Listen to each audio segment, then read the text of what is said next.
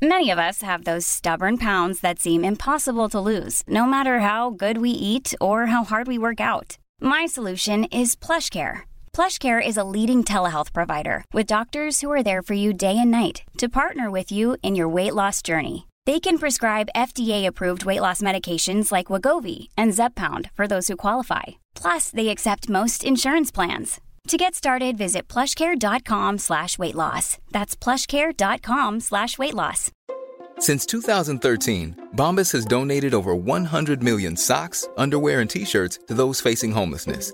If we counted those on air, this ad would last over 1,157 days. But if we counted the time it takes to make a donation possible, it would take just a few clicks. Because every time you make a purchase, Bombas donates an item to someone who needs it. Go to bombas.com slash ACAST and use code ACAST for 20% off your first purchase. That's bombas.com slash ACAST, code ACAST. Hey, it's Danny Pellegrino from Everything Iconic. Ready to upgrade your style game without blowing your budget? Check out Quince. They've got all the good stuff shirts and polos, activewear, and fine leather goods, all at 50 to 80% less than other high end brands. And the best part? They're all about safe, ethical, and responsible manufacturing. Get that luxury vibe without the luxury price tag. Hit up quince.com slash upgrade for free shipping and 365 day returns on your next order. That's quince.com slash upgrade.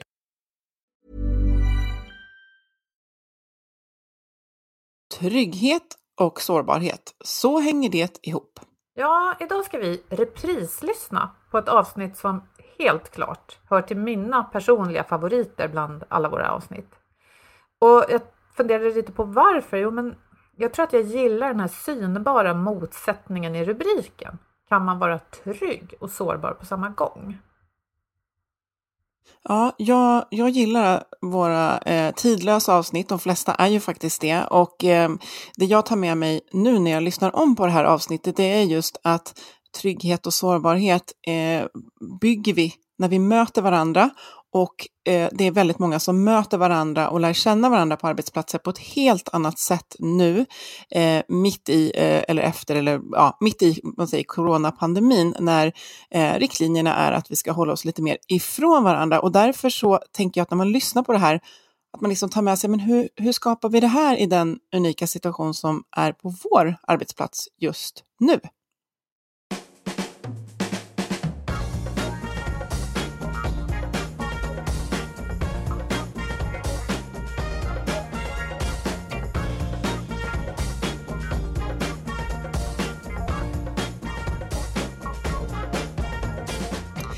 Du lyssnar på Health for Wealth. Det här är en podd om hälsa på jobbet. Trots att vi får det bättre och bättre så mår många av oss bara sämre. Ja, men det är inte okej. Vi tycker inte det ska fortsätta så här. Och därför tar vi reda på hur företag och organisationer kan bygga långsiktig hälsa och lönsamhet. Och börjar vi på jobbet så sprider det sig ofta även till resten av livet. Vi är Ann-Sofie Forsmark. Jag driver företaget Oxy Group. Och Boel Stier kommunikationskonsult. Lyssna på oss så får du nya insikter varje vecka för dig som är chef, ledare, jobbar med HR eller medarbetare. Vår samarbetspartner Twitch Health har någonting som heter Mental Energy Challenge som de hjälper sina kunder med. Och det här har de genomfört hos eh, Almega och där lyckades man att aktivera 80 i den här hälsoutmaningen och det var just med fokus på den mentala hälsan. Men som vi har sagt tidigare, när man tar hand om den så tar man hand om kroppen också. Ja, och det här är ju ett eh, lite så kul och lättsamt sätt att närma sig ett ämne som kan vara lite känsligt eller bara svårt att få tag i i vardagen. För att vi behöver ett antal grejer för att må bra eh, och det här vet vi redan. Vi behöver bland annat röra på oss regelbundet, vi behöver äta schysst. Men sen behöver vi också återhämtning och vi behöver socialt stöd. Och de där två senare grejerna, eh, det är ofta svårt för oss att säga nej till uppgifter, nej till att fylla kalendern till exempel. Eh, det kan också vara svårt att be om stöd och hjälp när vi inte känner att vi har det. Och den här eh, utmaningen som då är digital, den hjälper deltagarna att reflektera kring vad man säger ja och nej till, eh, hur man minskar multitasking i vardagen och hur man planerar och prioriterar för att skapa lite mer kontroll helt enkelt i tillvaron. Mm. Och vi vill alltid ha så framgångsexempel och inspireras av och därför så hoppas vi att ni vill läsa mer om hur man alltså fick 82 procent av medarbetarna att delta i det här. Eh, och det kan man verkligen plocka nycklar och inspiration ifrån. Vi länkar till det här inlägget på vår hemsida, men du kan också gå till twitchhealth.se och gå till nyheter och hitta det här. Och nu ska vi ta och lyssna på vårt avsnitt om trygghet och sårbarhet. Jag gillade verkligen att uh, lyssna på det här igen, så varsågoda. Här har ni en fin 35 minuter framför er. Och så tillbaka till ämnet för dagen, trygghet och sårbarhet. Vi välkomnar organisationspsykolog Ola Jameson från Psykologpartners. Tack så mycket. Och det är ju roligt, för du och jag känner varandra sedan tidigare. Vi har bland annat eh, hoppat fallskärm ihop i en massa år. Och i den miljön kan man ha anledning att fundera på just det här med trygghet. Och eh, som ni säkert många tänker på, eh, fallskärm, extremsport, en hel del puls naturligtvis. Eh, ändå måste jag ju säga, när jag tänker tillbaka till när jag var elev och ny i den världen, hade jag i alla fall den här bilden av att alla andra nog var mycket coolare och inte lika nervösa som jag. Och jag kom att tänka på nu när vi skulle träffas ett tillfälle när jag kanske hade hoppat något år eller två men fortfarande var ganska ny i den eh, världen. Och här i Sverige har man uppehåll över vintrarna för att det är kallt och det passar inte så bra att hoppa. Så när man kommer tillbaka på våren och ska börja hoppa igen, då har ju alla lite högre puls förstås. Men då som ny så tänkte jag att det, var, det är ju bara jag. Ingen är väl riktigt så här nervig som jag. Och så var det en eh, väldigt erfaren instruktör som hade liksom decennier i sporten Eh, som, som sa rakt ut så här, ja men nu känns det lite extra pirrigt här efter vinteruppehållet. Och jag hade inte hört så många erfarna säga sånt. Och så bara reagerade jag med att bli väldigt glad. För jag tänkte att han var så här, ja, eh, osårbar på något sätt. Och så när han sa det så blev jag väldigt glad. Och så tänkte jag, varför blev jag glad för det här då? Jo, men dels var det det att det kändes mer okej att jag var nervös. Men sen fick jag också ett större förtroende för honom där och då. Och tänkte att hmm, om min bror ska hoppa fallskärm, för det var något vi pratade om, då ska jag nog se till att han får hoppa med den här killen. Och Ola, hur hänger det där ihop egentligen? Ja, men jag tycker du beskrev det alldeles utmärkt själv. Eh, när någon eh, blottar sig och berättar om tveksamheter och så, så skapar ju det en tillåtande miljö. Så. Jag erkänner och visar för dig att jag är lite osäker på det här. Jag är inte perfekt. Och, och lustigt nog är det relationsskapande. Ja. Tänk på människor som man har som vänner eller till och med de som man är kär i och så. Jag gissar att ni vet väldigt mycket om deras svagheter och brister. Och människor som ger, utstrålar en slags perfektion, de är väldigt svåra och man, man kommer liksom inte nära dem. Det repellerar. Och när jag tänker på mig själv i den här eh, situationen så det var viktigt för mig att inte blotta mig för att jag var ny i en miljö och jag ville kanske övertyga både mig själv och andra om att jag liksom dög på något sätt. Och i den här världen handlar det faktiskt att duga inte bara om att prestera utan också att överleva och sådana här saker. Ja, och det finns en koppling där mellan det här med säkerhet och öppenhet. Så, och när du och jag började hoppa fallskärm ganska många år sedan, så var ju det en organisation som var ganska eh, blame shame-kultur, tycker jag. Och vad menar du då? Ja, alltså att eh, man eh, misstag bestraffades. Mm. Så, man var ganska bra på att peka på folk som gjorde dumt. Och lägga det på en individnivå och säga att du, du är dålig och om du gör fel så kommer du få en reprimand. Så, och det där är lite knepigt, för vad händer då? När människor vet att om jag gör bort mig och berättar det, då kommer ett straff. Man kan ju tycka i en miljö då man då riskerar att skada sig eller dö, för det är ju inte den mm. verkligheten de flesta av oss ändå jobbar i till mm. vardags. Att då borde ju det vara så att säga ett straff nog, att man vill undvika skador och ja. Ja, och om du då lägger skam på folk och, pekar ut någon och sätter dumsut på dem till och med. Mm så eh, leder det till att folk slutar berätta om sina misstag. Och då mm. har vi noll lärande. Så det här med öppenhet och trygghet skapar förutsättningar för lärandekultur.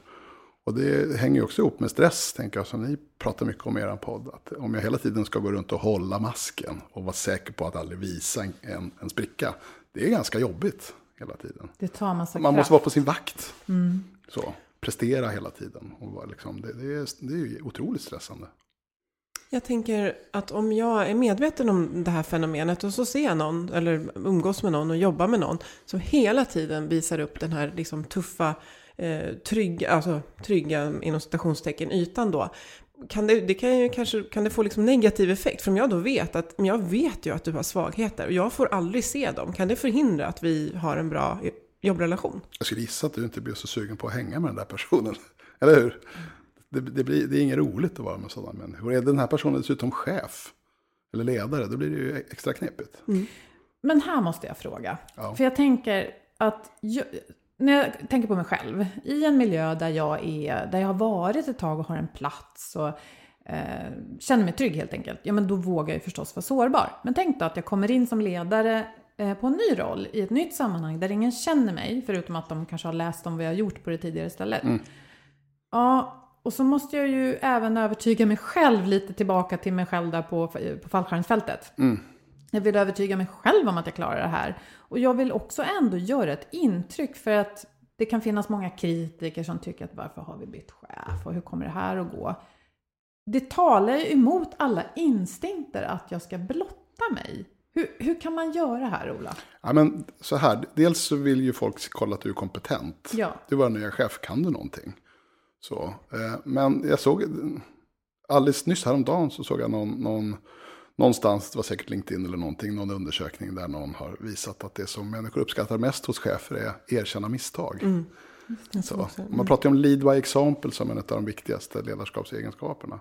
Och om jag som chef lägger ribban och säger att hörni, det här är svårt, jag vet inte riktigt hur man gör. Men Då bygger jag ju en kultur där det är okej. Så. Och det här med kulturer där det inte är okej, de här blame shame-kulturerna, det hänger väldigt mycket ihop med stressrelaterade problem och risk. Där man tittar väldigt mycket på inom sjukvården till exempel. Som sjukvården traditionellt har vad man på inlärningspsykologiskt spår skulle kunna kalla för aversiv kontroll, det vill säga att man styr med rädsla. Kanske inte medvetet, men det är väldigt mycket så här, gör för fan inte fel. För då blir det farligt. Och om du gör fel så blir du ansvarig. Och det här, skapar en enorm stress. Och mycket riktigt så är det ju så att sjukvårdspersonal ligger ju, har traditionellt sett alltid legat högre än andra yrkeskategorier när det gäller just stressrelaterade problem som utmattningsdepression och Och, och åter grejer. till det här för att jag pratar om liv och död. Och det är just vad de jobbar med i Ja. förlängningen. Just det. Men har man hur- till och med mätt på några ställen utfalls... Det man mäter är dödlighet hos patienter. det är så här hardcore.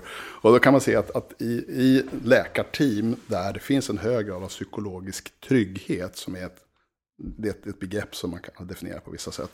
Så, så korrelerar det bra med patientsäkerhet och vice versa. För, för jag som sitter och lyssnar här som inte på fallskärm. Ja. Jag, känner ju så här att eh, jag hade ju varit extremt mån om att i, i den kulturen är det väldigt viktigt att man väldigt tydligt inte mörkar för misstag till exempel. Utan verkligen, hörni, jag tror att jag har gjort ett misstag med min fallskärm till exempel. Att den kulturen är livsavgörande. Och jag tänker om man kopplar det till sjukhusmiljö att ju, ju, ju mer man till exempel visar att jag behöver hjälp i det här beslutet eller bolla, desto mindre risk är det ju att vi fattar fel beslut. Absolut. Jag tänker koppla det här till dödlighet. Att, Absolut. Wow, snacka om att i, i vissa verksamheter är det inte liv och död om jag kör lite prestigeracet. Men fallskärm på ver- ja, Det kan ju låta Mm. självklart, men jag tänker så här. Eh, om man zoomar ut lite eller tänker sig att man är... Eller glöm det jag tänkte säga. Det, det står ju väldigt mycket på spel att Ja. våga räcka upp handen. Ja. Det kan ju vara så här att jag är rädd att bli av med jobbet, att bli av med en licens. Att nu upptäcker alla hur dåliga jag är, för vi har väl alla lite grann den här känslan ibland att vi inte är så bra som alla tror. Ja. Och, och den risken är ju också en risk. Eller då i fallskärmsexemplet, nej men jag kanske inte får hoppa mer, för nu har de upptäckt att jag inte är bra. Och då blir det nästan en lika stor risk som att faktiskt dö eller att orsaka någon annan skada. Ja, Och det- ja. Vi kan generalisera det, ta bort det från fallskärmshoppning. Men jag har lärt mig extremt mycket genom den miljön. Men tänk om du är doktor då och har samma rädsla. Om jag erkänner ett misstag så får inte jag operera. Just det. Vad gör du då? Ja, du håller tyst. Om du dessutom har erfarenhet av att om jag berättar någonting så händer det någonting. På ett sjukhus där jag jobbade, där hade man ända in på 2000-talet följande procedur. Man delade ut en fysisk dumstrut på morgonronden. Det här är sant. Va? Ja, det här är sant. Jag har läkare själv berättat för mig. Alltså man gick igenom nattens händelser och så, så sa man, vem är det som gjorde den här operationen? Det blev ju inte så himla bra. Boel, var det du? då får du ha på dig den här, det var som en stjärnkortsstut ungefär. och vad tror du det gör med människor? Och det finns en, ja. pågår ett stort forskningsprojekt som har pågått i många år, där Stockholms universitet är inblandat, som man just tittar på hälsa inom sjukvården. HOPE-studien heter den. Och där ser man att läkare ligger tre och en halv gånger över resten av populationen vad det gäller utmattningsdepression och suicidalitet. Och kvinnliga Oj. läkare ligger ännu högre. Och då gjorde man en kvalitativ studie, alltså man gick in och intervjuade folk, kvinnliga läkare, vad är det som, vad är, det som är stressorerna då? Och då säger de, som den största viktigaste faktorn, att being scorned by senior peers, alltså att man får ta hån och man, man, får, liksom, man får gliringar utav äldre kollegor när man gör fel. Och det är alltså antitesen till det vi pratar om när vi pratar om psykologisk trygghet. Mm. Det vill säga, psykologisk trygghet är att en känsla av att i den här gruppen, i den här miljön, så kan jag blotta mig. Jag kan berätta, jag kan dela sårbarhet och jag kommer inte att bli hånad. Jag kommer inte att bli skrattad åt. Jag kommer att bli lyssnad på. Och kanske till och med applåderad för att jag Eller hur? För att du klarar. bidrar till ett mm. säkerhetsarbete. Vad schysst att du berättar så vi kan lära oss någonting. Så igen, lärande beteenden kräver psykologisk trygghet. Mm. Och det är ju lätt att se att det här hänger ihop med stress. Ja, och just det här flock, eh, alltså viljan att höra till, hur viktig den är för oss. Jag får göra det. Ja, och nu, nu pratar vi sjukhusmiljö, men jag tänker också på den här Google-studien där eh, ja, man tog ja. reda på vad som skapade framgångsrika team. Jag tänker utifrån att man tänker att vi ska vara effektiva och producera någonting som har med lönsamhet att göra, så är det här lika viktigt. Och då tittar man, man tittar efter faktorer då som hur gruppen var sammansatt, kompetenser, mm. eh, men resultatet blev någonting annat. Och att Eh, känslan av att man måste bevisa sig och vara på sin vakt ledde inte till produktiva, kreativa team. Och eh, att vi stirrar på kategorier, de här gula, blå och röda och så. Mm, män, eh, kvinnor. Ja, eh, mm. precis. Vem är ledare här hjälpte inte heller. Och intelligens och kompetens kommer inte till sin rätta i fel sammanhang. Mm. Just. Mm. Ja, men det är intressant det där med dumstruten, för jag tänker att om jag sätter mig in i den situationen, då blir det ju det här att jag inte hör till. Och så vill jag bara dölja ännu mer om jag gör något dåligt. Men jag tänker också att de som tittar på tänker att jag vill inte förknippas med den personen. Det är lite som på skolgården. Att nu ja, jag vågar inte vara kompis med Ola för då kommer jag liksom också bli en sån som de ogillar. Guilt by association på något sätt. Eller? Ja, så söndras hela gruppen. Ja. Så himla, himla, himla olyckligt. Men jag vet att du tidigare har nämnt inom försvaret, inom flyget tror jag, eller något sånt där. Det här var kanske när du pluggade och vi höll på med fallskärm, jag ska sluta tjata om det. Men just hur man hade en sån här, jag tänker också att vi tror gärna att i försvaret är det en massa coola machotyper och så. Men att här var man väldigt duktig på just det här. Ja, flygvapnet just. Ja. Och internationellt sett så har amerikanska flygvapnet, de, jag, jag, jag, någonstans har jag den studien men jag kan inte hitta den nu. Så att om det är någon som sitter där och tänker att jag har fakta på det där så har jag inte referensen. Men det finns någonstans en undersökning som visar att skillnaden mellan amerikanska armén och amerikanska flygvapnet vad gäller olycksfrekvens var ganska stor. Och när man letar efter orsaker så tittar man ungefär som i Google-studien på ja, vad är det för någonting? Är det rekrytering? Är det så att man i flygvapnet är bättre på att hitta de, de så att säga, eh, inte riskbeteende människor? Eller är det bra folk om man i armén fick de dåliga? äh, det kunde man inte hitta något belägg för. Men man såg det här belägget för att man i flygvapnet då var ganska bra på att förstärka avvikelserapportering. När någon har gjort någonting eller var nära ögat så gav man beröm och applåder till den som berättade. Och sa, Bola har något viktigt att berätta här, kom och lyssna så ska ni få höra, för vi kan lära oss någonting. Istället för att säga Bola har varit dålig. Mm. Hon får tre dagar i kurran, vilket man kanske lite mer gjorde i, i armén. Då. Mm. Och det, det, påverkade då olycksstatistiken. Mm. Så säkerhetsarbete absolut har att göra med trygghet. Till, nej, förlåt, psykologisk trygghet. Jag kan inte blanda ihop det med tillit, för det är två lite olika grejer. Hur då? Ja, men så här. Eh, psykologisk tillit. Eh, det handlar om att jag litar på att ni kommer göra ert jobb.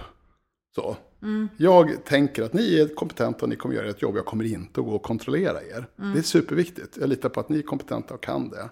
Trygghet handlar om att jag litar på att ni inte kommer håna mig när jag blottar mig.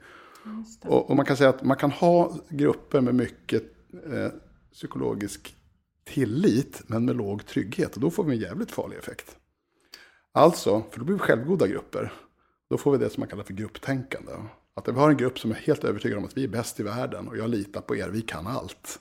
Men är vi dessutom otrygga, då blir vi okänsliga för kritik. Och där har man också sett att det är en farlig situation. Man brukar ta upp den här, sådana exempel som den här Challenger-olyckan. Det blir mycket flyg här. Kommer du ihåg rymdfärjan som exploderade? Ja, just det. Mm. I efterhand så kunde man se att den, det kom massa information utifrån om att det var någon vajsing med den här färjan. Det fanns många felindikationer, men det kom utifrån in mot den gruppen som jobbade. Och den gruppen var helt övertygad om att de var bäst i världen. De var ju liksom Top Guns på Och det är ingen som förstår vad vi gör, Nej. så det är ingen idé så, så kritikerna, de, de fattar inte, de är dumma och dåliga. Ah. Och då har man en, en väldigt stor tillit till den egen förmågan. Men det hade varit omöjligt i den gruppen att lyfta, hörni, ska vi ta, jag tror att det här är dåligt. För då hade folk skrattat åt och sagt, det kan inte vara dåligt, för vi är bäst i världen. Mm. Och det där grupptänkandet, är ni med? Mm. Så att psykologisk trygghet och psykologisk tillit, det är två lite olika grejer. Men de, de, sam, de lirar ihop. Det låter lite som eh, nästan så här fixed mindset och growth mindset. Att ja, vi, vi, så man kunna vi, säga. att, att ha den här tryggheten, det, då är vi, vi, vi, vi, vi är grymma som team. Vi, gud vad bra vi är. Men vi behöver också lära oss hela tiden. Vi behöver vara ett lärande, lärande och reflekterande. Lärande, ja. och jag tänker om man tänker på en arbetsplats där där man känner att okej, okay, det här verkar ju, det här behöver vi mer av, vilket mm. jag tror är väldigt många. Och har man det så behöver man hålla i det. Absolut. Eh, och förstärka. ja. ja, och förstärka. Och hur, för jag tänker att jag, man tänker spontant att ja, det här är ju någonting som man som chef börjar ett möte med att vet ni vad? Ja, jag har gjort ett riktigt stort misstag som jag ska bjussa på. Men eh, vi behöver också ta hand om det som, alla är ju delaktiga i det här. Hur, hur kan man göra på en arbetsplats? Vem ska börja? Ja, men det är två delar tror jag. Dels ledarskap och sen är det grupp team. Ni hade Stefan Söderfjell här som har jobbat mycket med det här som man kallar för full range leadership model och transformerande ledarskap. Och där tittar man på de studierna, det finns ju massor med studier på det. Det är den mest beforskade av alla ledarskapsteorier. Och där ser man ju att när ledare beter sig transformativt så påverkar det psykologisk trygghet i grupper. Det där måste vi bryta ner till ren ja. svenska. Ja. ja, transformativt. Så transformerande mm. ledarskap, det, det, det, eh, det kan man bryta ner då i fem ledarskapsbeteenden eller ledarskapsförmågor. Där man säger, första var föregångare, två var visionär, utmana, frigöra och uppmuntra. Mm. Det är olika och så ligger det massa beteenden i det där. Att vara föregångare är att, att leva som du lär. Det finns en likhet mellan vad du säger och vad du gör. Mm. Om jag ber, ni ska vara öppna med varandra. Om inte jag är det med er, mm. då blir det ju skådare. Och här ska vi minsann inte håna någon. Och så Nej, och så gör jag det själv till exempel. Så, så, att man lever som man lär. Ord måste vara lika med handling. Den är ju jätteviktig. Och att man är visionär, det betyder inte betyda att man står som Barack Obama och håller brandtal. Utan att man inspirerar och uppmuntrar folk hela tiden till att göra, även i det lilla. Liksom hur, hur man jobbar med det. Och att, att frigöra och utmana handlar ju om att ja, handgripligen utmana folk. Utmana, be, be er att ge mig feedback olika sätt att utmana. Att delegera att, och frigöra då är coachande till exempel. Mm. Att jag inte kontrollerar. Och sen uppmuntra. Att man mm. jobbar jättemycket med positiv förstärkning. Och när man ser mycket av de här transformativa beteendena från ledare så, så hänger det ihop med ofta med en hög känsla av psykologisk trygghet i grupper. För chefen sätter ribban. Mm. Har vi dessutom då grupper där man jobbar mycket med, som ni säger, med relationer. Att man låter det som man pratar om så mjuka värden få ta tid. Ja, vi ska prata om processer, vi ska prata om det, men vi ska också jobba med relationer. Mm. Jag brukar likna ibland ledarskapet vid en eh, fjällvandring. Där man ibland går framför och håller kartan och pekar och tar ut riktningen och ja. alla följer efter. Och ibland får man bära de andras packning. Och ja. ibland måste man vara stark. Och ibland kan man gå bakom och se gruppen konformativt liksom röra sig framåt själva. Och ibland behöver man liksom eh, hjälpa till att läsa kartan och ibland kan de läsa kartan ja. själva. Och ibland kommer man in med en ny karta som man får förankra. Och liksom alla de här bitarna ingår i det. där. Det, det, är min metafor för transformativt ledarskap. Mm. Och det är ganska likt vad som är bra medarbetarskap. Alltså folk kan ju vara bra lagspelare. Mm. bra lagspelare passar. Ja. Mm. Han tar inte bollen själv och springer. Så det finns, finns massa likheter där. Vi vet en del beteenden som hänger ihop med det här. Att till exempel be om hjälp och erbjuda hjälp. Be om hjälp är att blotta sig. Ja. Jag kan inte det, kan inte du hjälpa mig? Jag har ingen aning. Eller behöver du hjälp? När vi ser väldigt mycket av, det kan man mäta. Ber ni, och, ber ni om hjälp och ger ni varandra hjälp? Ju mer av det, det är som att jämföra med, med idrott eller fotboll eller hockey. Så att om vi passar mycket kommer vi göra fler mål. Mm. Just det, det läste jag någonstans också. Att eh, i grupper där man kan bygga den här sortens trygghet. Undrar om det var den här Culture Code? Daniel Coyle? Ja, Mm. jag tror det i alla fall. Att i grupper eh, där man, och jag tror att det här fanns i Google-studion också, Okej. att eh, man samtalar med hög energi och liksom mycket kontakt. Att man kunde se att istället, jo så här, istället för att några få stod upp och höll tal så hade man en nära kontakt, nära fysisk Ja. kontakt. Alltså att man såg varandra i ögonen mycket, att alla tittade på alla. Jo, för det var ju det som var i Google-studien. Allas röst fick höras. Ja, Det var ett mm, väldigt viktigt inslag där. Mm. Och det har vi inte riktigt pratat om. Alltså, jag kan ju, jag kan ju som ledare kan jag säga, är det någon som vill dela med sig? Jag kan som medarbetare passa bollen, men också att vi ser de här beteendena i våra dagliga möten. Ja. Att om vi inte har dem, utan att vi alla sitter runt ett bord och lyssnar på någon som håller tal hela tiden, då är det någonting vi behöver förändra. ja. Eller? Att hela tiden ha gemensamma mentala modeller, fick man ju prata om, så det är också ett fint ord. Det vill säga att vi fattar saker på samma sätt. Men det är ju jättesvårt. Ja, att- då måste man kolla hela tiden. Det vill säga man måste ofta prata med varandra. Säga, hur fattar du det här? Och man måste bli bra på att förstå att vi kan se samma sak och fatta det på helt olika sätt. Vi, ofta i bråk så säger jag till folk, jag, jag, jag trodde vi var överens om det här. Jag förutsätter att vi har förstått det. Och assumption is the mother of all. Just, Ja, just Så att, att grupper som ofta stämmer av med varandra, hur fattar du det här? Och är nyfikna och intresserade. Intresse tror jag måste vara det mest relationsskapande av alla. Det är svårt att byta ner ett beteende, men massa saker som jag kan göra som visar att jag är intresserad av vad du har att säga. Och när du säger det så kommer jag att håna dig, då är vi tillbaka vid Ja, tryggheten. det. men titta på, jag jobbade i många år med par, parterapi, och där lärde jag mig sig ju skillnaden mellan par i eh, konflikt och par som är kära. De gör lite olika grejer. Och titta på förälskade människor, vad gör de? Förutom att de hånglar och, och gör sådär. Men de förhåller sig väldigt intresserat till varandra. Ja. Det är framåtlutat och nyfiket och berätta mera, vad spännande, jag vill höra mera.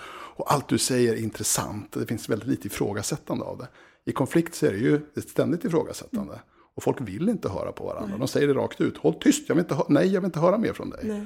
Så det här intresset, och det är jobbigt, eller hur? Det tar energi. Men om vi kan ha, stimulera det där, nyfikenheten, intresset på varandra. Att din åsikt är valid och spännande. För grupper som mår bra, de testar också nytt och utvärderar hela tiden. Så att intresset, nyfikenheten är där.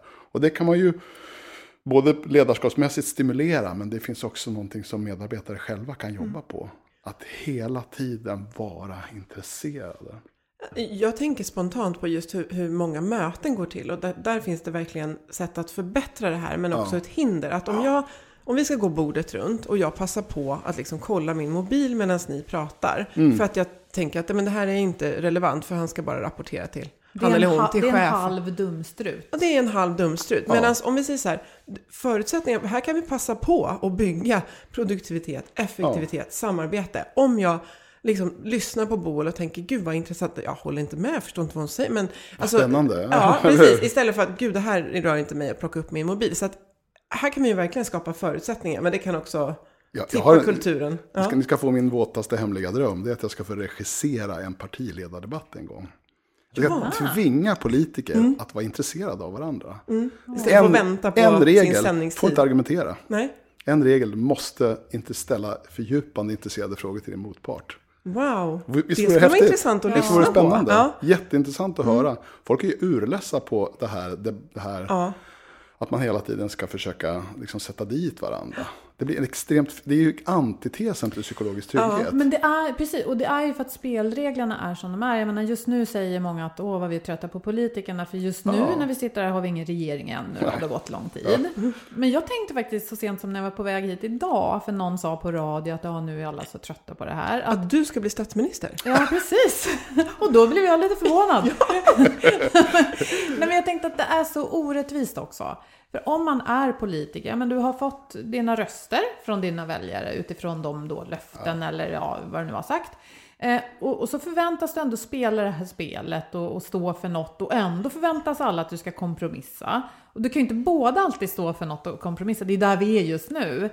Och, och jag tänker att bryta upp spelets regler, det måste ju någon börja med. Men om någon gör det och sen blir förlorare på det, det är inte så himla lätt. Jag har ju jobbat mycket med krishantering. Ur det där fallskärmshoppandet så kom ett intresse för vad händer när det, när det smäller.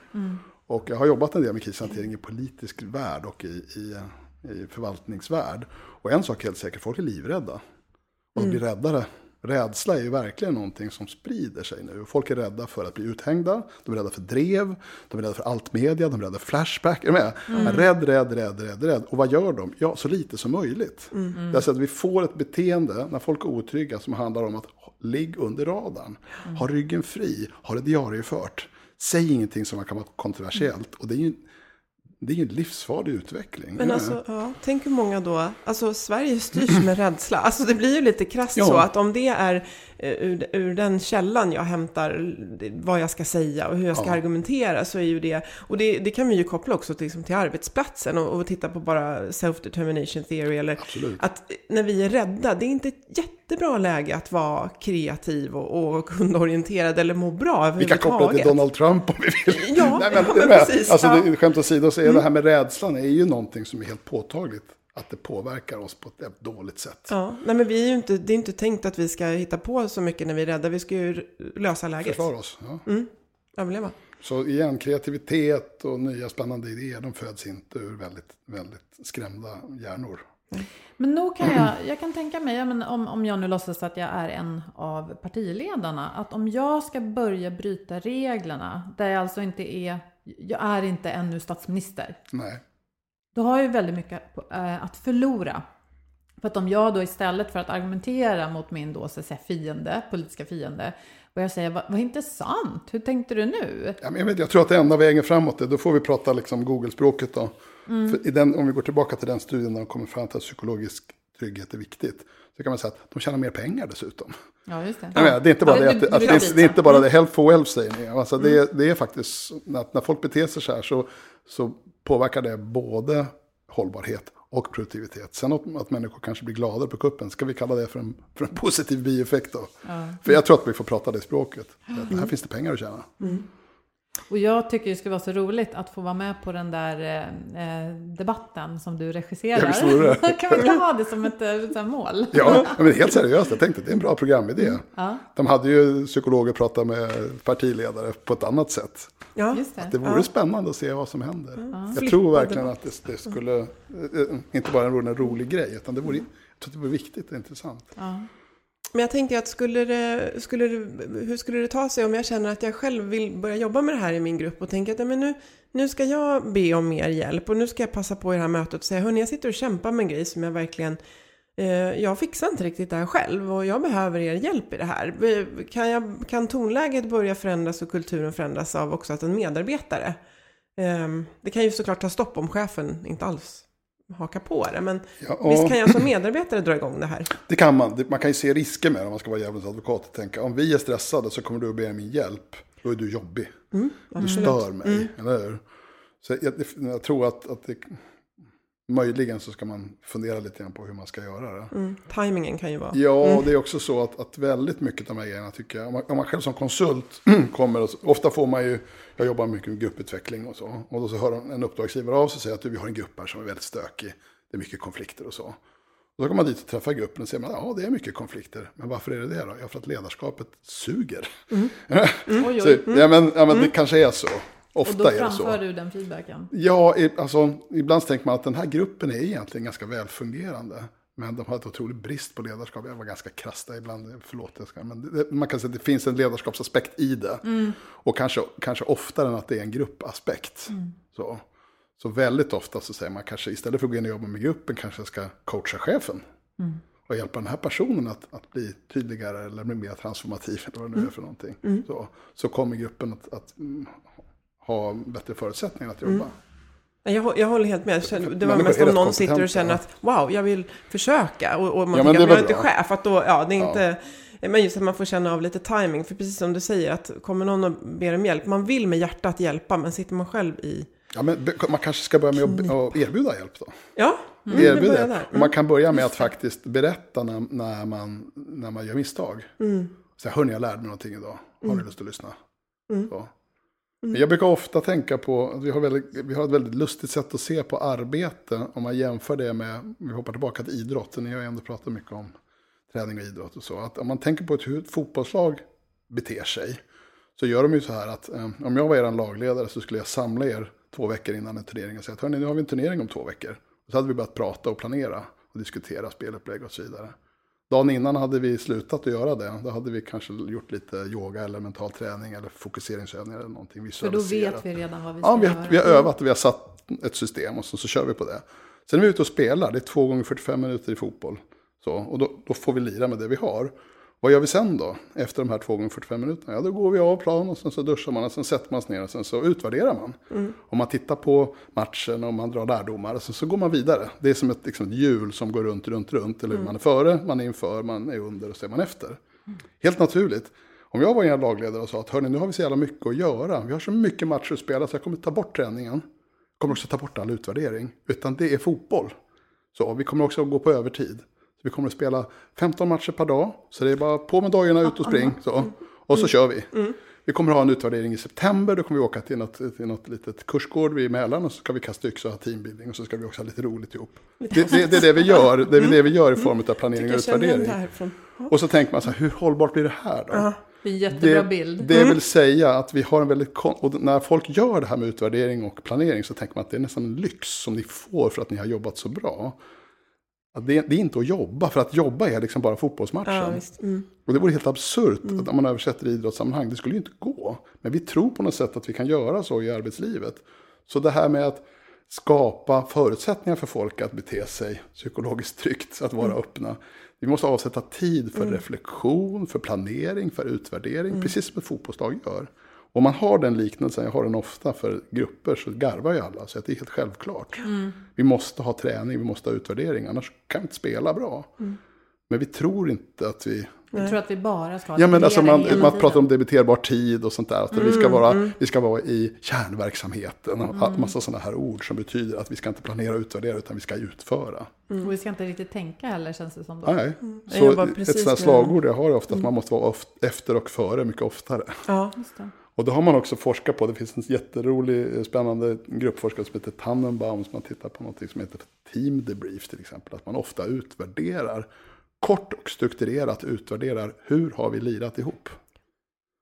Och då kan man titta på hur öppna har vi varit. Har vi bett mycket om hjälp? Har vi erbjudit har vi, har vi hjälp? Har vi gett varandra feedback? Har vi testat nytt och utvärderat? Alla de här nyckelbeteendena som är bra för psykologisk trygghet kan man mäta och utvärdera. Och då gäller ju att man tittar på och utvärderar rätt saker. För jag tänker Ja. något vi har snackat om mycket här återkommande är ju att vår tids eh, fokus på mätning, att vi har så himla mycket data. Ja. Och så stirrar vi på siffror och tror att vi blir klokare. Ja, precis. Men det är ungefär som när vi, ska vi hoppa tillbaka till fallskärmshoppningen då?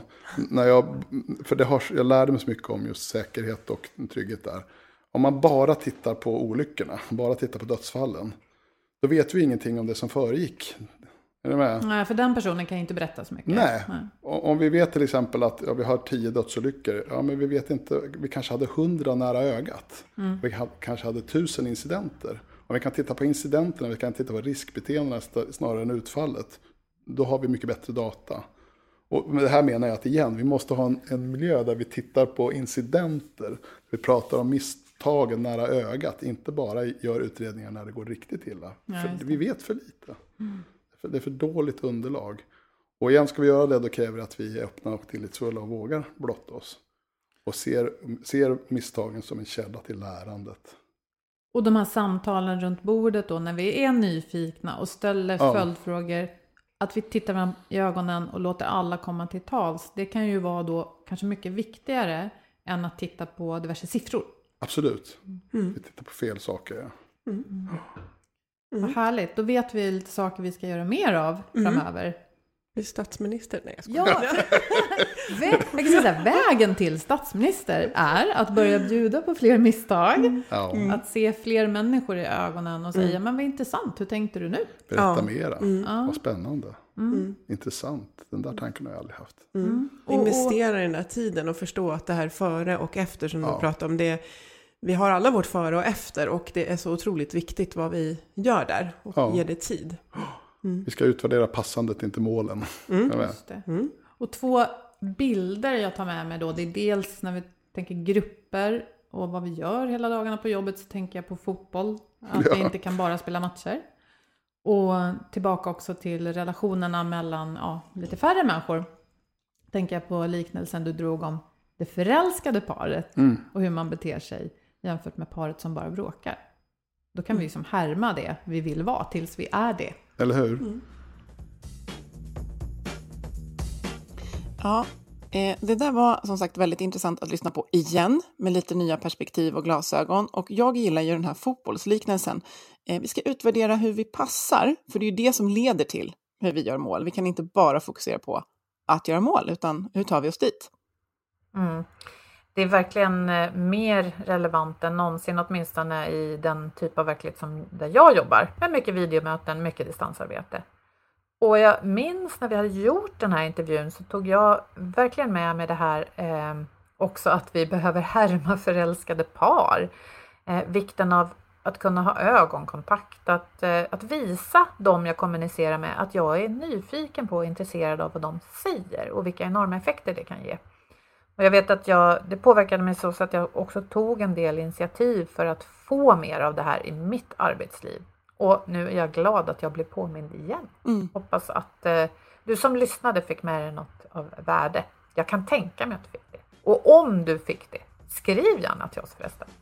Vi är väldigt nyfikna. Ja, jättegärna. Och eh, vi fyller på för vår samarbetspartner motivation.se bjuder vi idag passande ett eh, material från forskaren och författaren Amy Edmondson från Harvard Business School. Och hon skriver just om psykologisk trygghet. Och eh, om ni följer länken som vi lägger i inlägget så kan ni ta del eh, från en konferens från Handelshögskolan i Stockholm i maj i år. Och vi eh, tackar våra samarbetspartners Twitch Health, motivation.se. Vi tackar Agda Media för den här produktionen. Följ oss gärna på LinkedIn och kommentera våra inlägg där och säg hej helt enkelt så hörs vi om en vecka igen. Hej då! Ta hand om er. Hej då!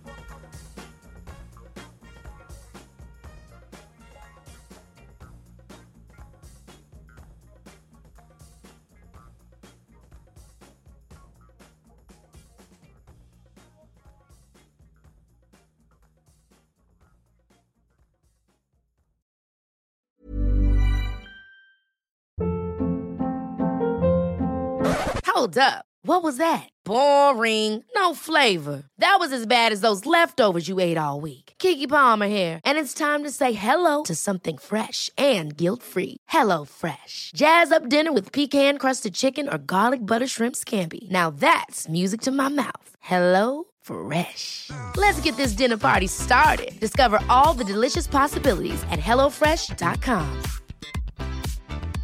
Even when we're on a budget, we still deserve nice things. Quince is a place to scoop up stunning high-end goods for 50 to 80% less than similar brands. They have buttery soft cashmere sweaters starting at $50, luxurious Italian leather bags, and so much more. Plus, Quince only works with factories that use safe, ethical, and responsible manufacturing. Get the high-end goods you'll love without the high price tag with Quince. Go to quince.com slash style for free shipping and 365-day returns. Imagine the softest sheets you've ever felt. Now imagine them getting even softer over time. That's what you'll feel with Bowl and Branch's organic cotton sheets. In a recent customer survey, 96% replied that Bowl and Branch sheets get softer with every wash. Start getting your best night's sleep in these sheets that get softer and softer for years to come. Try their sheets with a 30-night guarantee. Plus, get 15% off your first order at bowlandbranch.com. Code BUTTERY. Exclusions apply. See site for details.